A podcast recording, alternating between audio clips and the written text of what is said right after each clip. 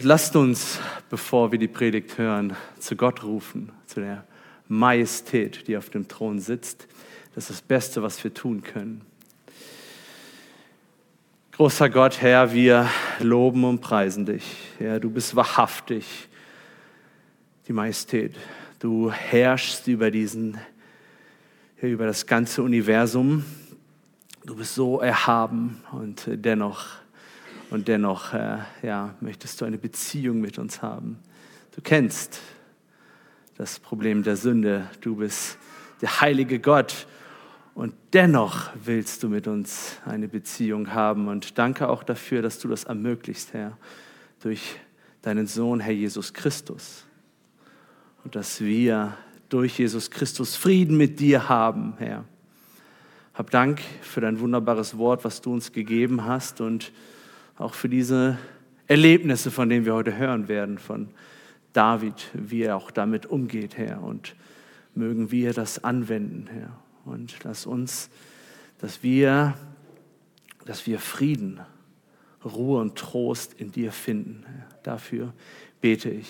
Und ich bitte, steh du mir bei ähm, in all meiner Schwachheit. Gib mir Kraft, Herr, ähm, auch richtig zu kommunizieren, dass es ein Segen wird für die Geschwister, Herr. Und wenn es, ja, es liegt nicht an deinem Wort, es liegt an dem, der es überbringt. Und deshalb bitte, steh du mir bei, Herr, damit du verherrlicht wirst. Gepriesen seist du. Amen. Ja, jeder der hier Anwesenden kennt sie. Tage, an denen man sich nur noch die Nacht herbei wünschen kann. Und dann ist es endlich soweit, die Nacht bricht an. Die so ersehnte Nacht ist da. Und dann finden wir dennoch keine Ruhe. Die Nacht, die wir uns gewünscht haben, sie bringt uns keine Befreiung, keinen Frieden. Und der ersehnte Frieden bleibt aus. Zuerst haben wir uns die Nacht herbeigewünscht und jetzt bleibt uns nichts anderes übrig, als ratlos auf den Morgen zu warten. In den vergangenen Wochen erlitt unsere Gemeinde, aus der Gemeinde, aus der ich komme, einige Schicksalsschläge. Wir wurden herausgefordert, über Leid neu nachzudenken. Auf verschiedensten Weisen wurden wir oder begegnete uns das Leid. Es gab Diagnosen, Diagnosen, die eine Person aus der Gemeinde betroffen hat, aber auch Diagnosen, die Familien betroffen hat von unseren Geschwistern.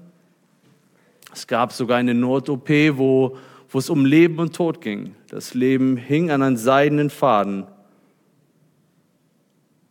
Und auch wenn ich heute hier bin, ich kann nicht sagen, wie es euch geht.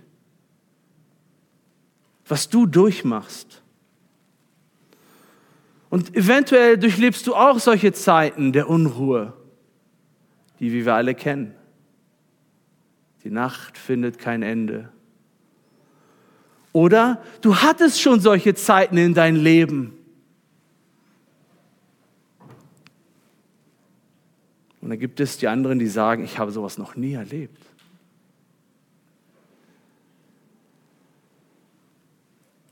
Aber eins ist gewiss, auch wenn du das noch nicht so erlebt hast, früher oder später wird es auf dich zukommen.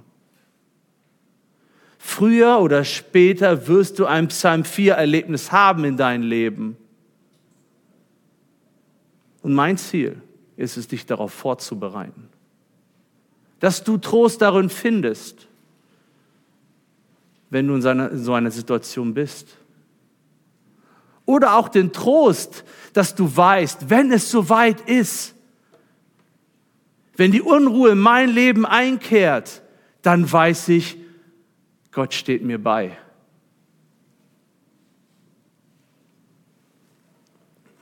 Das Leiden ist ein ständiger Begleiter des Lebens. Es ist eine harte Realität und keiner von uns kann sie leugnen. Überall begegnet uns Leid, sei es das eigene Leben, sei es das Leben der Menschen, die wir lieben. Oder sei es nur, wenn wir einfach die Zeitung aufschlagen und sehen, was wieder passiert ist. Leid begegnet uns oder Bedrängnis begegnet uns mit verschiedenen Gesichtern. Es hat verschiedene Facetten. Und nicht nur das. Die Anzahl der hier Anwesenden ist genauso groß wie die Anzahl der Situationen, in denen ihr euch befindet. Sie sind unterschiedlich. Wir haben verschiedene Situationen. Und für diese verschiedenen Situationen können wir eine gute Antwort geben. Und die heißt, ich werde mich in Frieden niederlegen und schlafen. Denn du allein, Herr, lässt mich sicher wohnen. Denn du allein, Herr, lässt mich sicher wohnen. Gott ist die Antwort darauf. Und seine Versprechen. Und die Bibel hat dir mehr zu bieten als, das wird schon wieder. Kennt ihr das? Diese Worte, ach, das wird schon wieder? Wir haben sie gehört, wir haben sie selbst oft gesprochen. Aber Gott sagt mehr dazu in seinem Wort. Und das wollen wir heute zusammen studieren. Viele Männer und Frauen Gottes fanden Trost in dem Psalm 4. Und deshalb lass dieser Psalm dein Seelsorger sein. Und erkenne, erkenne, dass Gott der einzige Garant für wahren Frieden und Sicherheit ist. Und bevor wir zusammen diesen Psalm 4 studieren, müssen wir kurz auf seinen Vorgänger eingehen. Das ist der Psalm 3. Die beiden Psalme passen sehr gut zueinander. Und das nicht nur aufgrund auf ihrer Reihenfolge, Psalm 3, Psalm 4. Nein, das ist mehr dahinter. Sie haben beide den gleichen Verfasser. Und beide beinhalten auch ein Gebet. Und jedes Mal werdet ihr den Psalmist in einer Not sehen. Aber lasst uns mal kurz darauf eingehen, auf das Gebet. Im Psalm 3, Vers 5 heißt es, ich rufe mit meiner Stimme zum Herrn und er erhört mich von seinem heiligen Berg. Beten bedeutet, zu Gott zu rufen. Sich an Gott wenden. Das tut auch David im Psalm 3. Psalm 4, Vers 2. Antworte mir auf mein Schreien, du Gott meiner Gerechtigkeit. In der Bedrängnis hast du mir Raum gemacht. Sei mir gnädig und erhöre mein Gebet. Erhöre mein Gebet. Hier begegnet es uns wieder das Gebet. Der Psalm 3 wird als ein Morgenlied bezeichnet. Dort heißt es in äh, Vers 6, ich legte mich nieder und schlief und ich bin wieder erwacht, denn der Herr hält mich fest. Es ist doch wunderbar, so den Morgen zu beginnen mit so einem Gebet. Ich legte mich nieder und schlief und ich bin wieder erwacht, denn der Herr hält mich. Dagegen wird der Psalm 4 als ein Abendlied bezeichnet. Da heißt es, ich werde mich in Frieden niederlegen und schlafen. In Vers 9. Der Psalm 4 entstand an einem Tag, wo aus menschlicher Sicht eigentlich nichts Gutes zu erwarten war.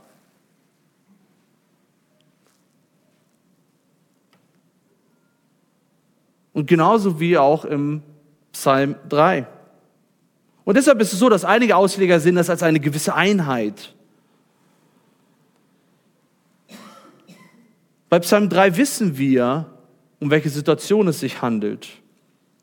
Es war diese erschütternde Begebenheit, als David vor seinem eigenen Sohn fliehen musste. Dies könnte auch auf Psalm 4 zutreffen.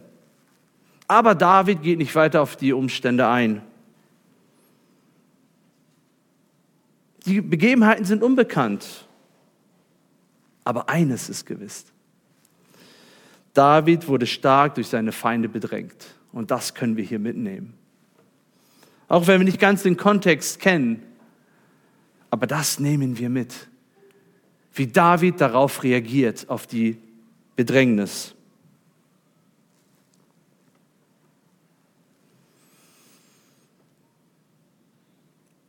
Und der Psalm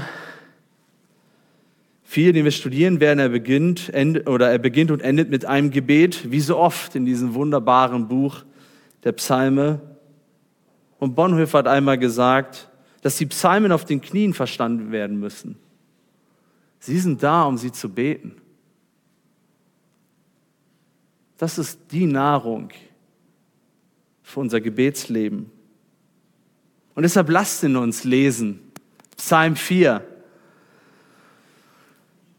Da heißt es in Vers 1, dem Vorsänger mit Seitenspiel ein Psalm Davids.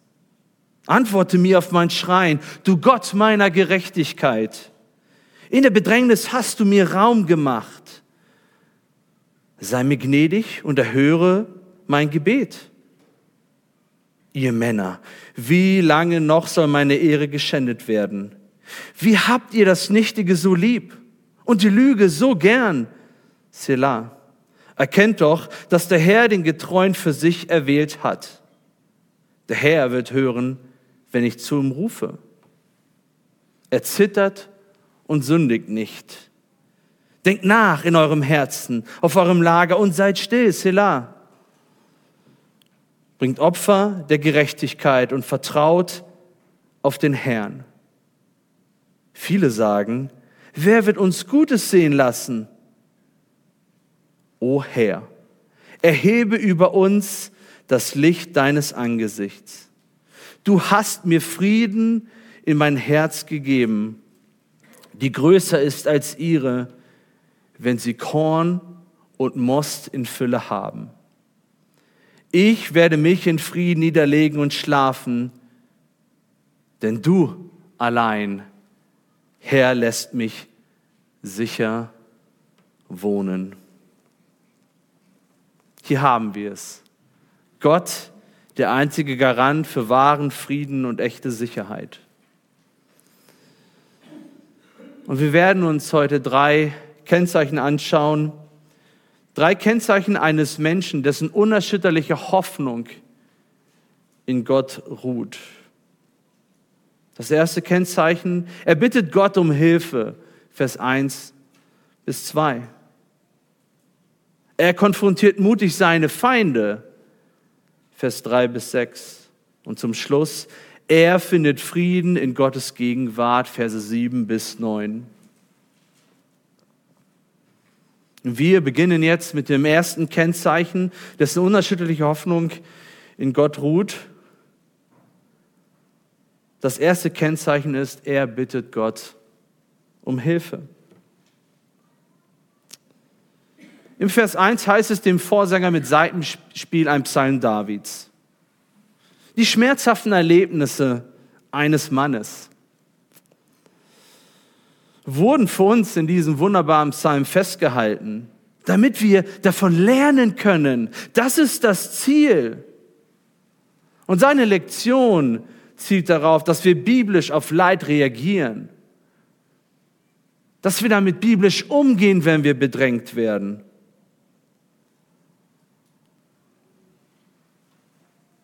Und angeleitet durch einen Vorsänger sollte damals die ganze Versammlung der Gerechten diesen einzigartigen Psalm singen.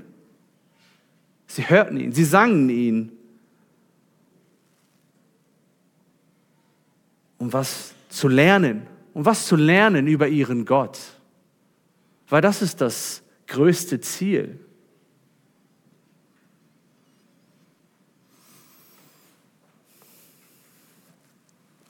Wie schon gesagt, aus Vers 1 geht hervor, dass es durch Gesang und Seiteninstrumenten begleitet wurden. Ja, das ist was ähnlich, was ihr heute gemacht habt oder was wir heute zusammen gesungen haben.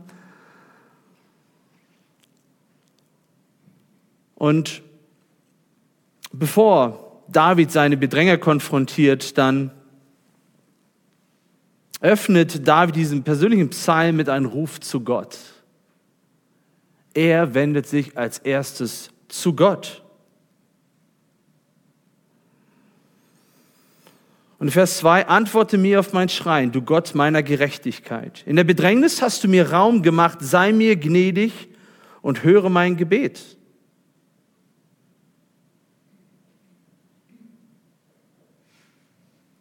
Und er sagt, antworte mir auf mein Schreien.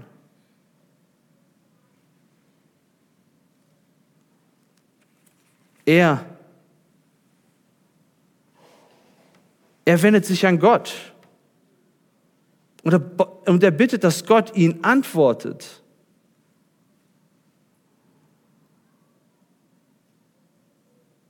Und dieser Aufruf zeigt, wie höchst gefährlich diese Situation war. Und wir wissen es, es gibt keinen besseren Ort für unsere Sorgen als bei Gott. Und wir wollen es David gleich tun. Und wir können uns sagen, wieso sollten wir uns mit weniger zufrieden geben, als mit dem allmächtigen Gott, der souverän ist? Wieso sollen wir mit unseren Sorgen zu Menschen gehen? Ja, es gibt, es gibt auch, auch das ist ratsam, aber zuerst wenden wir uns an Gott. Und wisst ihr, was so wunderbar ist? Dass Gott will unser Anker sein. Er will sich der Sache annehmen. Ihm interessiert es, was seine Kinder durchleben. Wir haben es mit einem persönlichen Gott zu tun, nicht mit einem Gott, der irgendwo ist.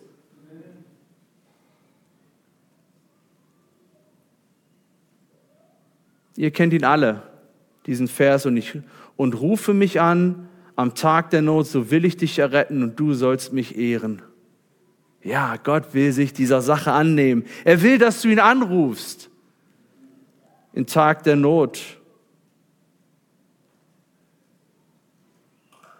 Und David beginnt sein Gebot mit einer kühnen Bitte, antworte mir. Und auch wenn der Rufende hier ein König ist, ist er, ist er dennoch nur ein Geschöpf, so wie wir alle. Und jeder, der nur ein bisschen von der Einzigartigkeit Gottes versteht, würde zu Recht fragen, wer ist David? Wer ist David oder wer sind wir, dass wir es wagen können, Gottes Aufmerksamkeit einzufordern? Hier spricht ein sterblicher Mensch zu seinem Schöpfer, zu dem Erhalter aller Dinge, der das Universum lenkt. Und zu Recht sind wir erstaunt über diese kühne Aufforderung. Und wir wissen, David war ein wunderbarer Liederschreiber, aber er war auch ein exzellenter Theologe. Er kannte die Lehre über Gott, die Lehre von Gott. Er kannte seinen Gott, deshalb redet er auch so mit Gott. Er hat eine Beziehung zu diesem Gott. Und er kennt auch die Versprechen Gottes. Deshalb ist es biblisch, so zu deinem Gott zu rufen. Und Gott möchte es. Er möchte, dass du ihn anbetest. Und Vers 2 steht, Gott meiner Gerechtigkeit. So nennt David seinen Gott. Und wir müssen es immer vor Augen haben, die Bibel kennt keinen sündlosen Menschen. Ja, denkt an Römer 3, aber auch Psalm 14. Und da sehen wir, dass der Mensch ein Sünder ist, dass er die der die Gerechtigkeit verfehlt, die er vor Gott haben sollte. Aber was diese Angelegenheit betrifft, war David schuldlos. Er wird zu Unrecht verunglimpft. Auch das gibt es. Auch wir können schuldlos angeklagt werden. Und Gott ist der Richter zwischen David und seinen Verleumdern. Und er bittet Gott um sein Urteil. Er wendet sich an die höchste Instanz an die man sich wenden kann. Und dann an die heiligste Instanz.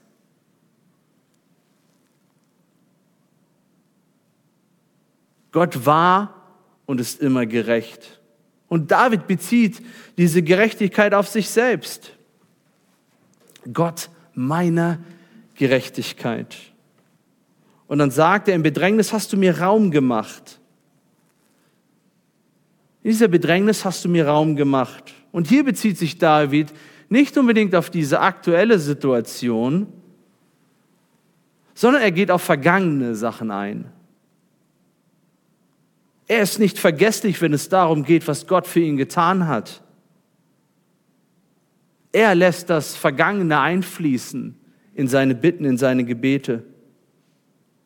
Und das Wort Bedrängnis, was wir finden in Vers 2, steht für eine, eine enge Situation, eine brenzliche Situation, würden wir sagen. Und die damalige Situation war geradezu erdrückend für David.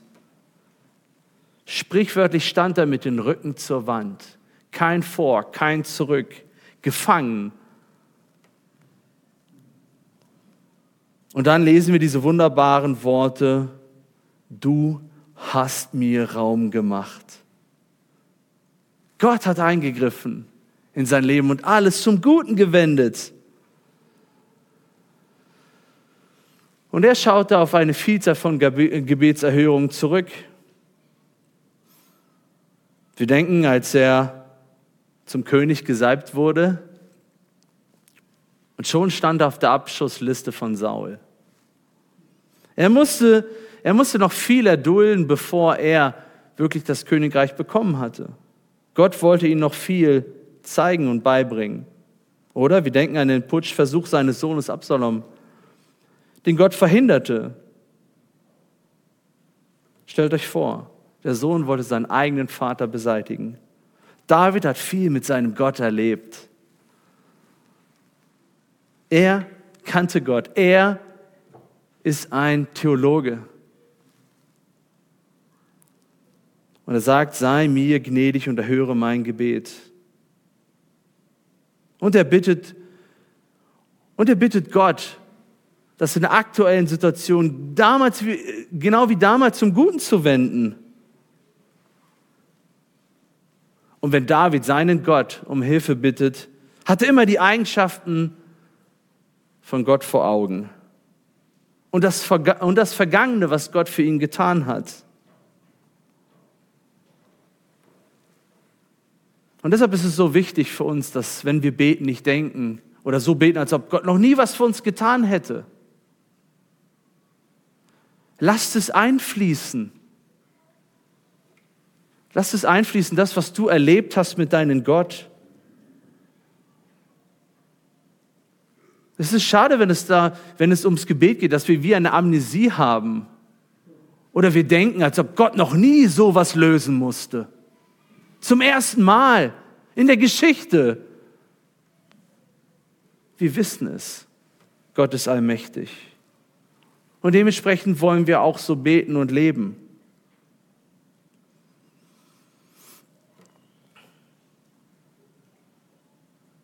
Und lass uns nicht vergessen, wo liegt deine Kraft oder wo liegt die Kraft im Gebet. Es liegt nicht in der Person, die das Gebet spricht. Nein, es liegt in der Person, an die das Gebet, an das Gebet gerichtet wird. Und wenn Gott hinter diesem Gebet steht, dann ist es kraftvoll.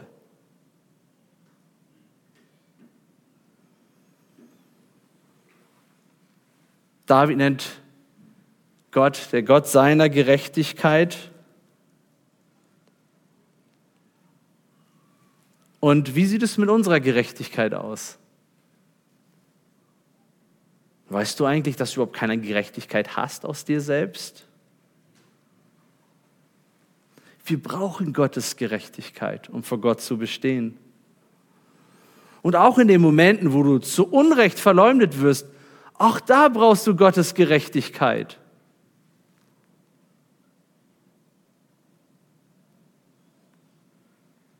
Lasst uns das zweite von drei Kennzeichen eines Mannes, eines Menschen, dessen unterschiedliche Hoffnung in Gott ruht, anschauen.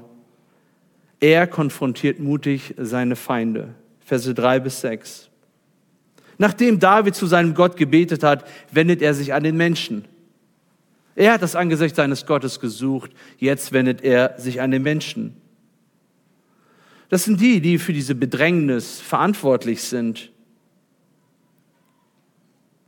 Und in Vers 3 schreibt er, ihr Männer, wie lange noch soll meine Ehre geschändet werden? Wie habt ihr das Nichtige so lieb und die Lüge so gern? Selah. Wie schon zuvor gesagt. In dieser Sache war David unschuldig. Und hinter seinen Anklägern und ihren Anklagen standen sündige Motive. Hier finden wir das Wort in der Schlachter, ihr Männer.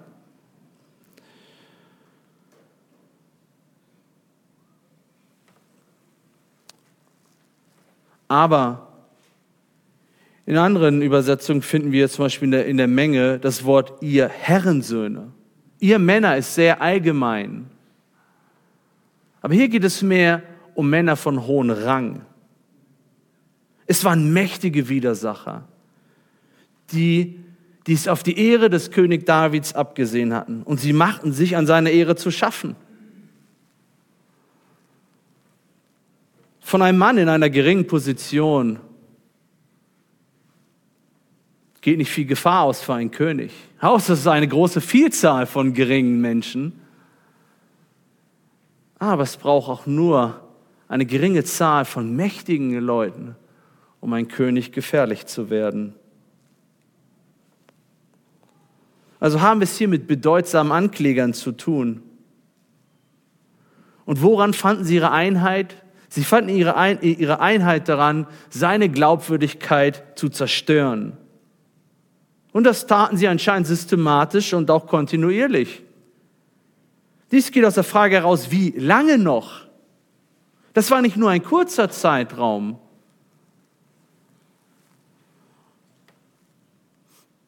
Männer von ehrenhaften Rang, aber von ihrem Verhalten waren sie alles andere als ehrenhaft.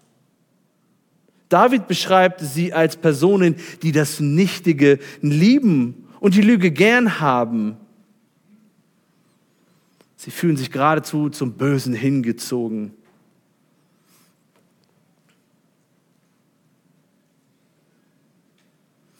Und sie haben keine Scheu, ja, diese Boshaftigkeit an David auszulassen.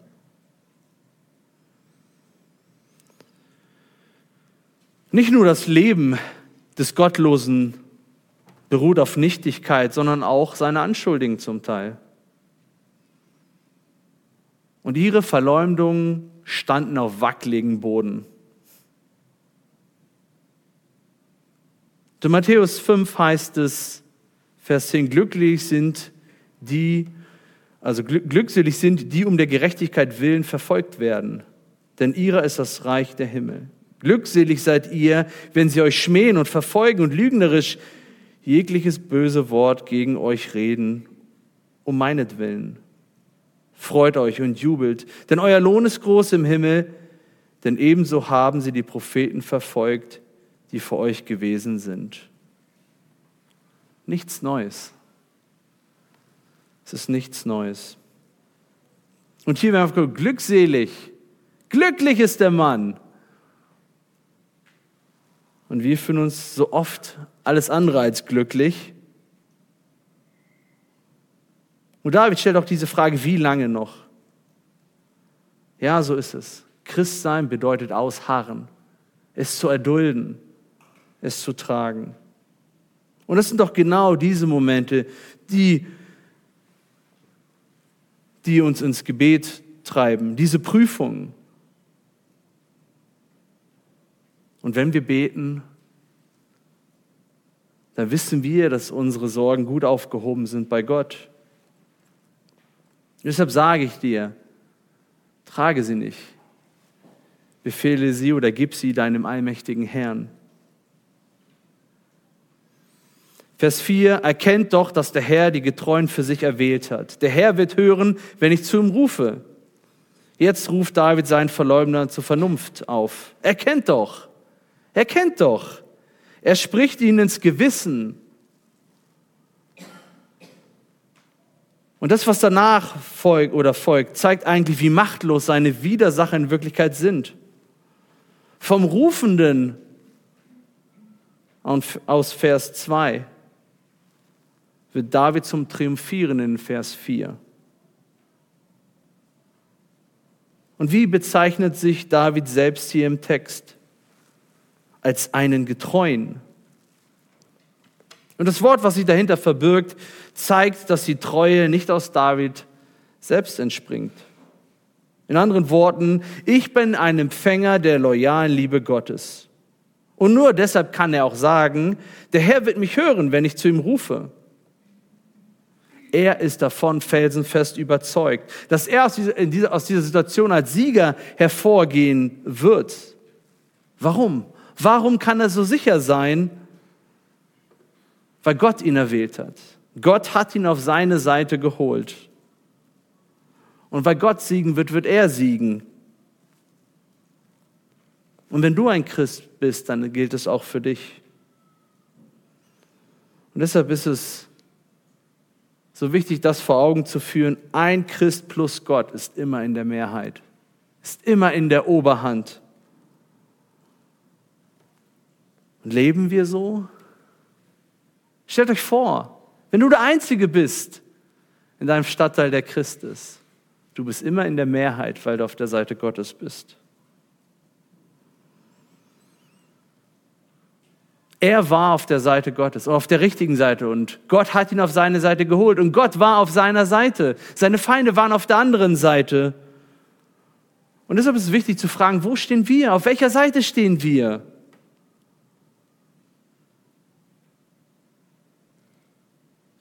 Und ich hoffe, dass du auf der Seite Gottes stehst. In Vers 5 sagt er, zittert und sündigt nicht.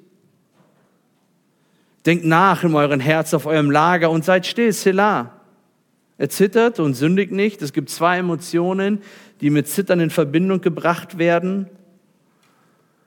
Wir kennen sie alle. Das eine ist mehr Zittern aus Angst. Kennt ihr das? Wenn ihr aus Angst zittert. Und das zweite ist ein Zittern aus Zorn. Hattet ihr schon eine Person vor euch stehen, die richtig vor, vor Zorn gezittert hat? Die Nasenflügel gebebt haben vor Zorn?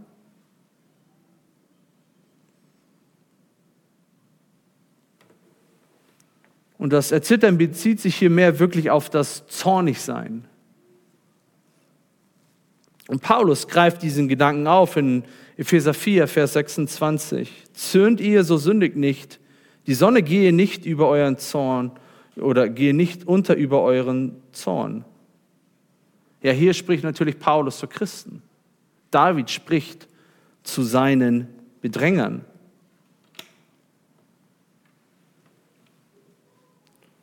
Und wir wissen aus dem Wort Gottes, es gibt guten Zorn und bösen Zorn. Wenn aus Liebe zu Gott und deinen Mitmenschen über Unrecht, Unmoral und Gottlosigkeit zürnst, dann ist Zorn was Gutes, solange du es richtig auslebst. Aber der Zorn seiner Widersacher war alles andere als gut. Und David fordert sie auf, nicht zu sündigen. Sie sollen ihren hitzigen Gefühlen nicht Lauf lassen. Und sie sollen darüber nachdenken, sie sollen reflektieren. Und sie sollen sich von dieser Sünde abwenden, Denkt nach in eurem Herzen, sagt er. Denkt nach. Und das Herz spielt in der Bibel eine wichtige Rolle. Ist das Herz verdorben, so ist der ganze Mensch verdorben. Und nicht ohne Grund soll das Nachsinnen wo beginnen? In unserem Herzen. Wir wissen, das Problem der Sünde ist hier in unserem Brustkorb. Nicht unbedingt das, was was außerhalb von uns ist. Und da sollten sie nachsinnen. Sie wünschten für David nur das Schlechte und er, dennoch suchte er ihr Bestes. Er wusste, beide Seiten brauchen Reinigung. Er brauchte auch Reinigung. Er brauchte auch die Vergebung Gottes und auch seine Feinde. Psalm 51, erschaffe mir, o oh Gott, ein reines Herz David hatte selbst die Vergebung Gottes erfahren. Und auch sie sollten es erfahren. Und Vers 5, Selah. Ja, jetzt ist es an der Zeit, still zu werden für seine Feinde, zur Besinnung zu kommen, darüber nachzudenken. David wird in Vers 9 friedvoll auf sein Nachtlager liegen und schlafen. Sie dagegen sollen auf ihrem Lager zur Vernunft kommen. Sie sollen nachdenken, sie sollen sich abwenden von denen. Und deshalb ist es so wichtig, dass wir aufhören, verängstigte und wütende Christen zu sein. Und lasst uns lieber diese frohe Botschaft, die wir annehmen durften, die wir selbst gehört haben, weitergeben. Und ihr habt es getan. Ihr wart in eurem Bezirk und habt das Evangelium geteilt. Und wenn David schon so zu seinem Feinden ist und sich Sorgen um seine Feinde macht, um das Heil, um, um, um das Herz seiner Feinde, dann lasst uns an die denken, die uns keine Feinde sind. Alle brauchen das Evangelium. Alle brauchen diese Reinigung, Freund oder Feind.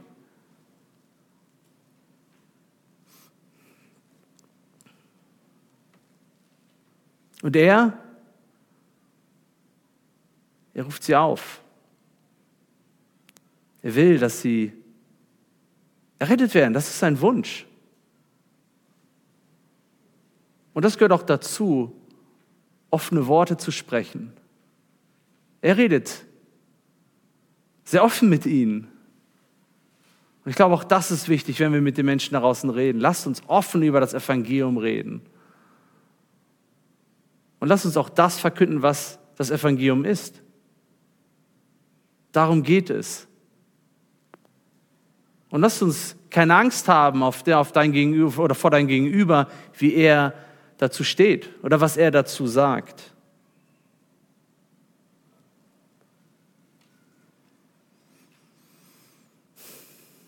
Und es ist wahr, je mehr uns die Welt bedrängt,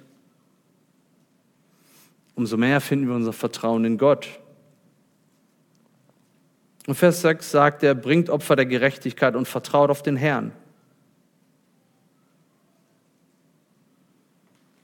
Und Gott gab sein Gesetz an Mose, um uns Menschen zu zeigen, dass wir von Natur aus Sünder sind.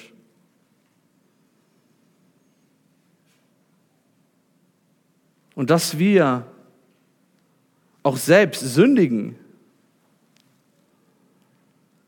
Und damit der Mensch Vergebung der Sünden erlangen kann, benötigt es ein Opfer. In Hebräer 9 heißt es, ohne Blutvergießen geschieht keine Vergebung. Und diese Tieropfer damals, sie sollten auf eine richtige Weise dargebracht werden. Und wir müssen einfach kurz darauf eingehen, wenn es darum geht, Opfer der Gerechtigkeit, dass wir das nicht falsch verstehen. Und zum Teil hören wir auch zum Beispiel Malachi eine Anklage Gottes an sein Volk. Ja, dort wird von minderwertigen Opfern gesprochen, die Gott dargebracht wurden. Verunreinigtes Brot, blinde oder lahme Tiere. Und seine Antwort war darauf, es soll doch lieber gleich jemand von euch die Türe des Tempels schließen, damit ihr nicht vergeblich mein Altarfeuer anzündet. Ich habe kein Wohlgefallen an euch, spricht der Herr, der Herrscher. Und die Opfergabe, die von Händen kommt, gefällt mir nicht. Es ist wichtig, dass, das, dass man im Alten Testament das richtige Opfer darbringt. Aber es geht auch darum, wie, mit, mit welcher Einstellung. Auch dein Herz ist wichtig. Und deshalb ist so gut auf den Punkt gebracht, Psalm 51, die Opfer, die Gott gefallen sind, ein zerbrochener Geist, ein zerbrochenes und zerschlagenes Herz wirst du, o oh Gott, nicht verachten.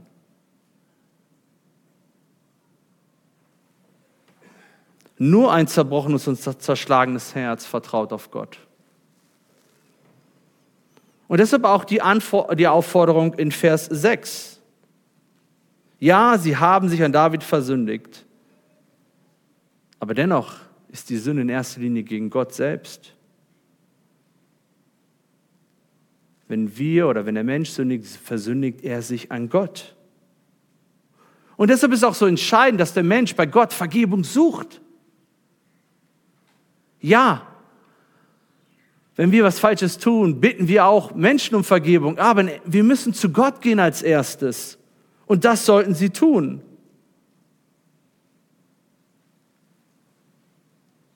Und in der heutigen Zeit sind die damaligen Türopfer nicht mehr nötig. Dieses kontinuierliche Opfern, das vor Augen haben, wie schlimm die Sünde ist und darauf vertrauen, ja, dass Gott die Schuld eines Tages begleichen wird. Und warum ist all das nicht mehr nötig? Wir sind kurz darauf eingegangen. Warum? Weil Christus sich als Opfer dargebracht hat. Und er ist das perfekte Opfer. Vollkommen Mensch, vollkommen Gott.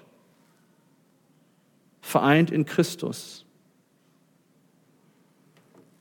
Und wir rufen nicht auf, dass die Leute irgendwelche Opfer darbringen. Wir rufen sie auf, dieses Opfer im Glauben anzunehmen. Das ist unsere Nachricht für die Menschen, für unsere Bedränger. Seien es einfache Menschen, seien es mächtige Menschen, mit denen David es hier zu tun hatte.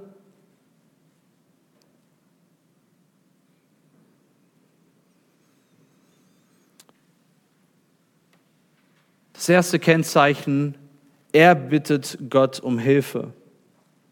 Das zweite, er konfrontiert mutig seine Feinde. Und das dritte Kennzeichen eines Menschen, dessen unerschütterliche Hoffnung in Gott ruht, lautet, er findet Frieden in Gottes Gegenwart. Verse 7 bis 9. Vers 7. Viele sagen, wer wird uns Gutes sehen lassen?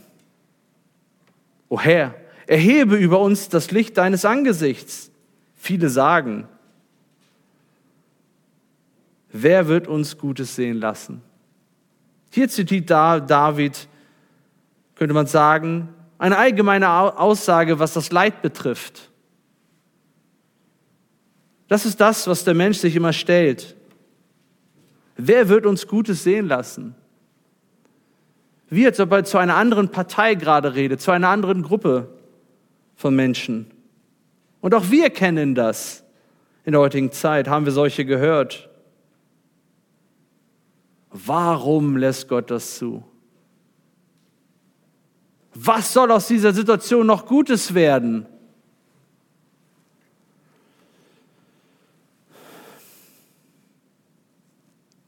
Auf die Frage nach dem Sinn des Leidens kann der Mensch keine eigene Antwort geben oder finden. Ihm bleibt nichts übrig als Ratlosigkeit, das Leid über sich ergehen zu lassen und auf bessere Zeiten zu hoffen. Aber aus der Sicht Gottes ist es anders. Aus der Sicht des Christen wir haben eine ganz andere Sichtweise auf das Leid. Und der Mensch da draußen stellt sich unzählige Fragen zum Thema Leid. Und David, David beantwortet sie mit einem Einzeiler. Das ist Davids Antwort auf diese Frage, wie kann daraus was Gutes kommen? All das Leid. Und er sagt, O Herr, erhebe über uns das Licht deines Angesichts. Und diese Worte sind uns gut vertraut. Sie stammen aus dem priesterlichen Segen in 4. Mose, Kapitel 6. Und da heißt es, der Herr segne dich und behüte dich. Der Herr lasse sein Angesicht leuchten über dir und sei dir gnädig. Der Herr erhebe sein Angesicht auf dich und gebe dir Frieden. Das Gesicht Gottes steht für seine Gegenwart. Das leuchtende Angesicht Gottes über uns steht für seine Gunst und seinen Segen. Und wir kennen Römer 8, 28, wir wissen aber, dass denen, die Gott lieben, alle Dinge zum Besten dienen, denen, die nach dem Vorsatz berufen sind. David sieht im Leid die gütige Hand Gottes.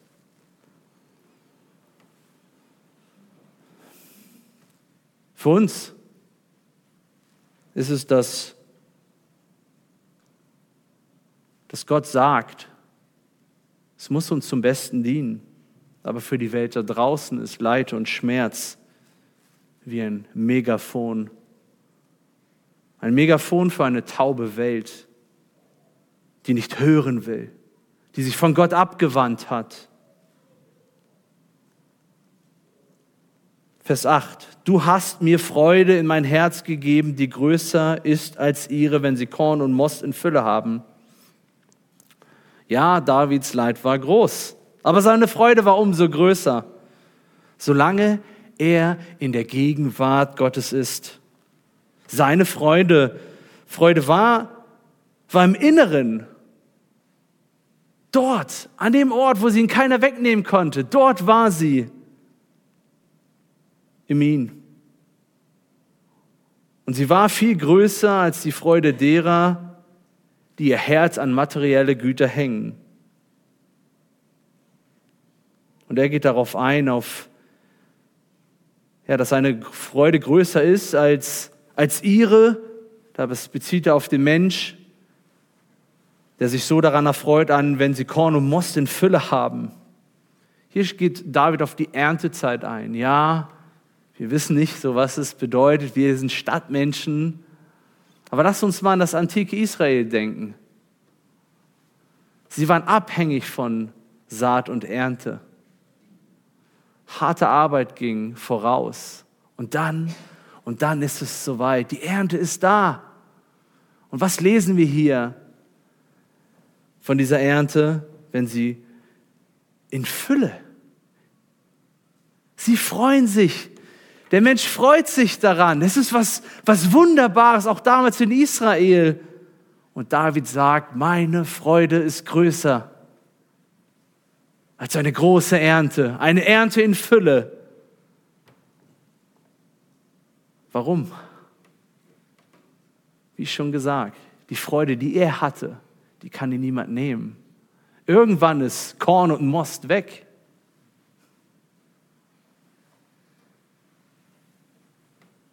Oder all das, was wir haben, alles ist vergänglich. Doch diese Freude, die kann ihn keiner nehmen. Und er hat mehr als nur Freude, weil er hat Frieden in Gott gefunden. Das ist das. Du wirst nie Frieden haben, wenn du dein Leben auf materielle Dinge setzt. Es ist vergänglich können verderben, es kann dir geklaut werden, du kannst es selbstverschuldet verlieren. Und deshalb sagt Spurgeon, Christus im Herzen ist besser als Korn in der Scheune. Christus im Herzen ist besser als Korn in der Scheune. Und jetzt kommen wir zum großen Finale. Vers 9. Ich werde mich in Frieden niederlegen und schlafen, denn du allein, Herr, lässt mich sicher wohnen. Das sind die weisen Worte eines Mannes, der mehr als einfach nur oberflächliche Freude gefunden hat. Er hat echten Frieden gefunden. Shalom hat er gefunden. Und es sagt so einiges über uns aus, wie wir die Nacht verbringen.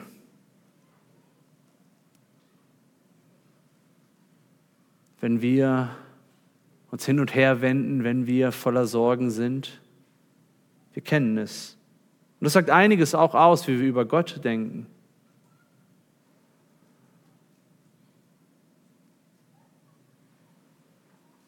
Und dass wir auf Gott vertrauen können, steht außer Frage. Wir wissen es. Aber es geht darum, es auch zu tun. So oft sagen wir doch, Gott ist allmächtig.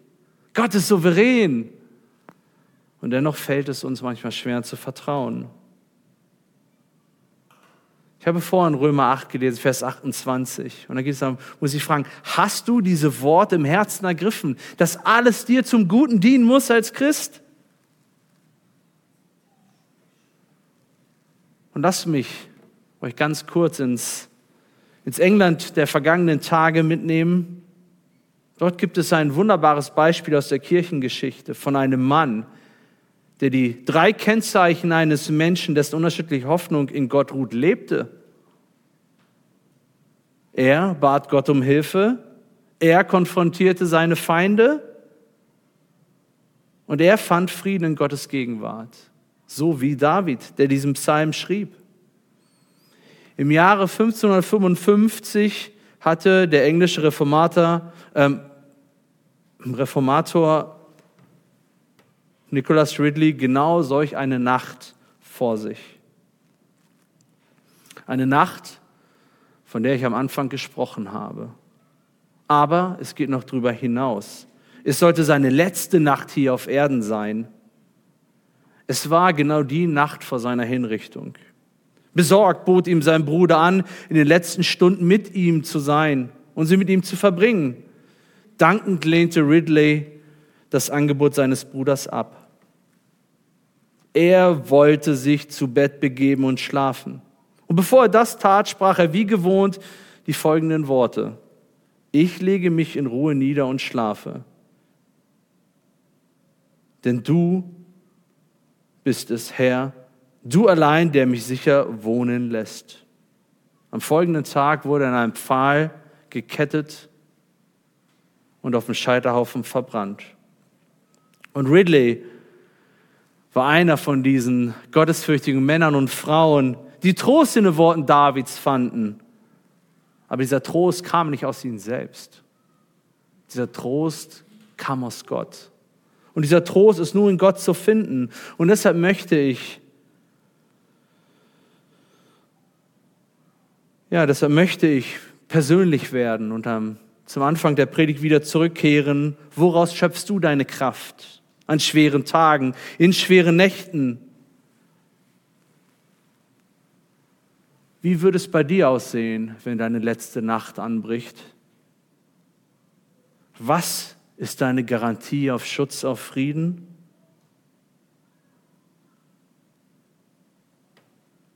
Und diese Frage solltest du heute für dich beantworten, denn morgen könnte es zu spät sein. Ruhst du mit einer unerschütterlichen Hoffnung in Gott wie Ridley, wie ein David? Christus, Gott, war ihre Garantie auf Schutz und Frieden. Und wenn es auf dich nicht zutrifft, dann wirst du niemals hier Frieden finden. Bedenke, auf dieser Seite des Lebens wirst du keinen echten Frieden finden. Und was danach kommt, wird noch viel schlimmer sein. Und das Einzige, was dir bleibt, ist unter dem Zorn Gottes zu sein. Unter den heiligen, gerechten Zorn, den wir alle verdienen, weil wir Sünder sind. Und deshalb, deshalb höre die Worte, höre die Worte Davids in Vers 5, erzittert und sündigt nicht. Denkt nach in eurem Herzen, auf eurem Lager und seid still. Es ist Zeit, ruhig zu werden, nachzudenken. Kommt zur Besinnung. Und dann bringt Opfer der Gerechtigkeit und vertraut auf den Herrn. Vertrau auf Christus. Tue Buße, erkenne deine Sünde. Bitte ihn um Vergebung, rufe ihn an. Gott möchte dich retten. Und warum kannst du sicher sein? Warum wissen wir, dass Gott retten will? Ist es nicht er, der sagt, so wahr ich lebe, spricht Gott, der Herr, ich habe kein Gefallen am Tod des Gottlosen, sondern daran, dass Gottlose umkehren von seinem Weg und lebe. Kehrt um und kehrt um von eurem bösen Weg. Gott hat dafür gesorgt, dass er dir vergeben kann. Er hat alles vorbereitet. Er vergibt die Sünde und bleibt dennoch gerecht. Und dies ist, möglich, dies ist nur möglich, Warum? Weil er das Beste des Himmels für das Schlechteste auf Erden gegeben hat. Er hat seinen Sohn gegeben, auf diese Erde geschickt. Er gab ihn für uns. Und er schickte ihn auf eine Rettungsmission. Gott wurde Mensch, um dich zu retten.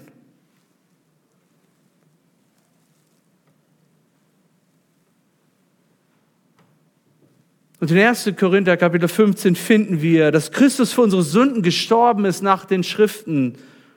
Nach den Schriften, so wie Gott es vorausgesagt hat. Und es ist eingetroffen, es ist passiert. Christus war da, er ist für unsere Sünden gestorben. Und wo? Dort außerhalb, auf einem Hügel der Stadt Jerusalem, genau dort, entblößt, gefoltert, bespuckt, verspottet, genau dort starb er für deine Schuld. Und wenn du an ihn glaubst, dann ist auf wunderbare Weise, dass seine, deine, sein, deine Schuld auf ihn liegt und seine Gerechtigkeit auf dir. Und er ist gestorben und er wurde begraben.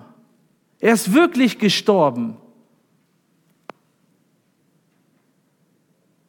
Und dann, so wie es kommen musste, und er ist auferstanden am dritten Tag. Das, der Tod konnte ihn nicht zurückhalten. Und er triumphiert über die Macht des Todes. Und Gott gab sein Siegel, dass das Opfer reicht, dass deine Schuld gesühnt ist. Christus ist auferstanden. Und wenn du zu Christus gehörst, dann gilt dieses Versprechen für dich. Wer will gegen die Auserwählten Gottes Anklage erheben? Gott ist es doch, der rechtfertigt. Wer kann Anklage gegen uns erheben? Gott ist es, der rechtfertigt. Und dann, oder so gibt es jetzt keine Verdammnis mehr für die, welche in Christus Jesus sind, die nicht gemäß dem Fleisch, sondern gemäß dem Geist. Was für eine Zusage, was für eine Zuversicht. Und die hast du, wenn du zu Christus gehört. Und genau mit dieser Gewissheit verstarb Ridley, als die Flammen emporschlugen und, und er sagte, Herr, in deine Hände befehle ich meinen Geist, nimm meinen Geist auf.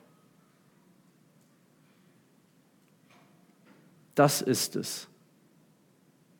Das ist es, sein Frieden sein Garant oder Frieden und, und, und Hoffnung in Christus zu finden.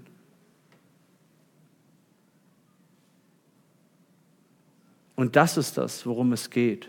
Das ist das, was Gott dir sagen möchte. Lasst uns beten.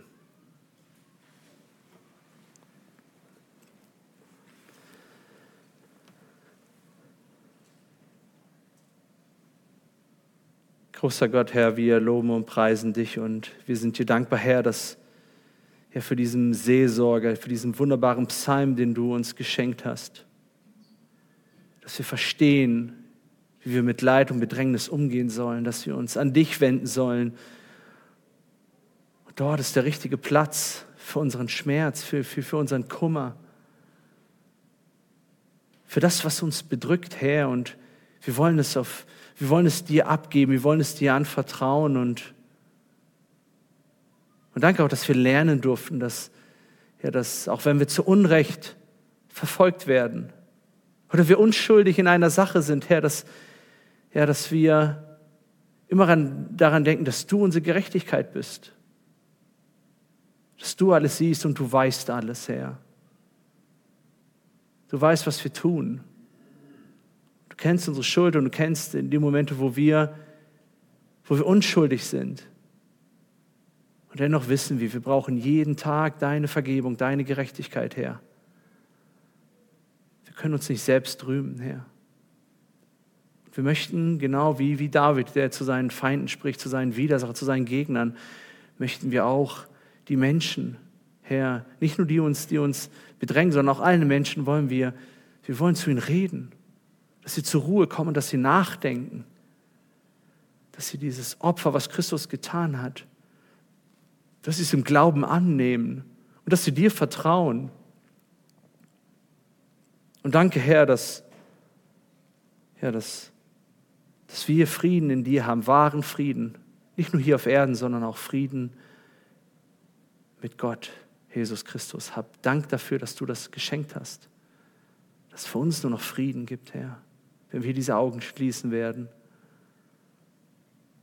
Ich danke dir für, für meine Geschwister und Herr, steh du ihnen bei. In all den Momenten, Herr, in denen sie herausgefordert werden und mögen sie dir ähnlicher werden, Herr, dass damit du verherrlicht wirst, Herr. Gepriesen seist du. Amen.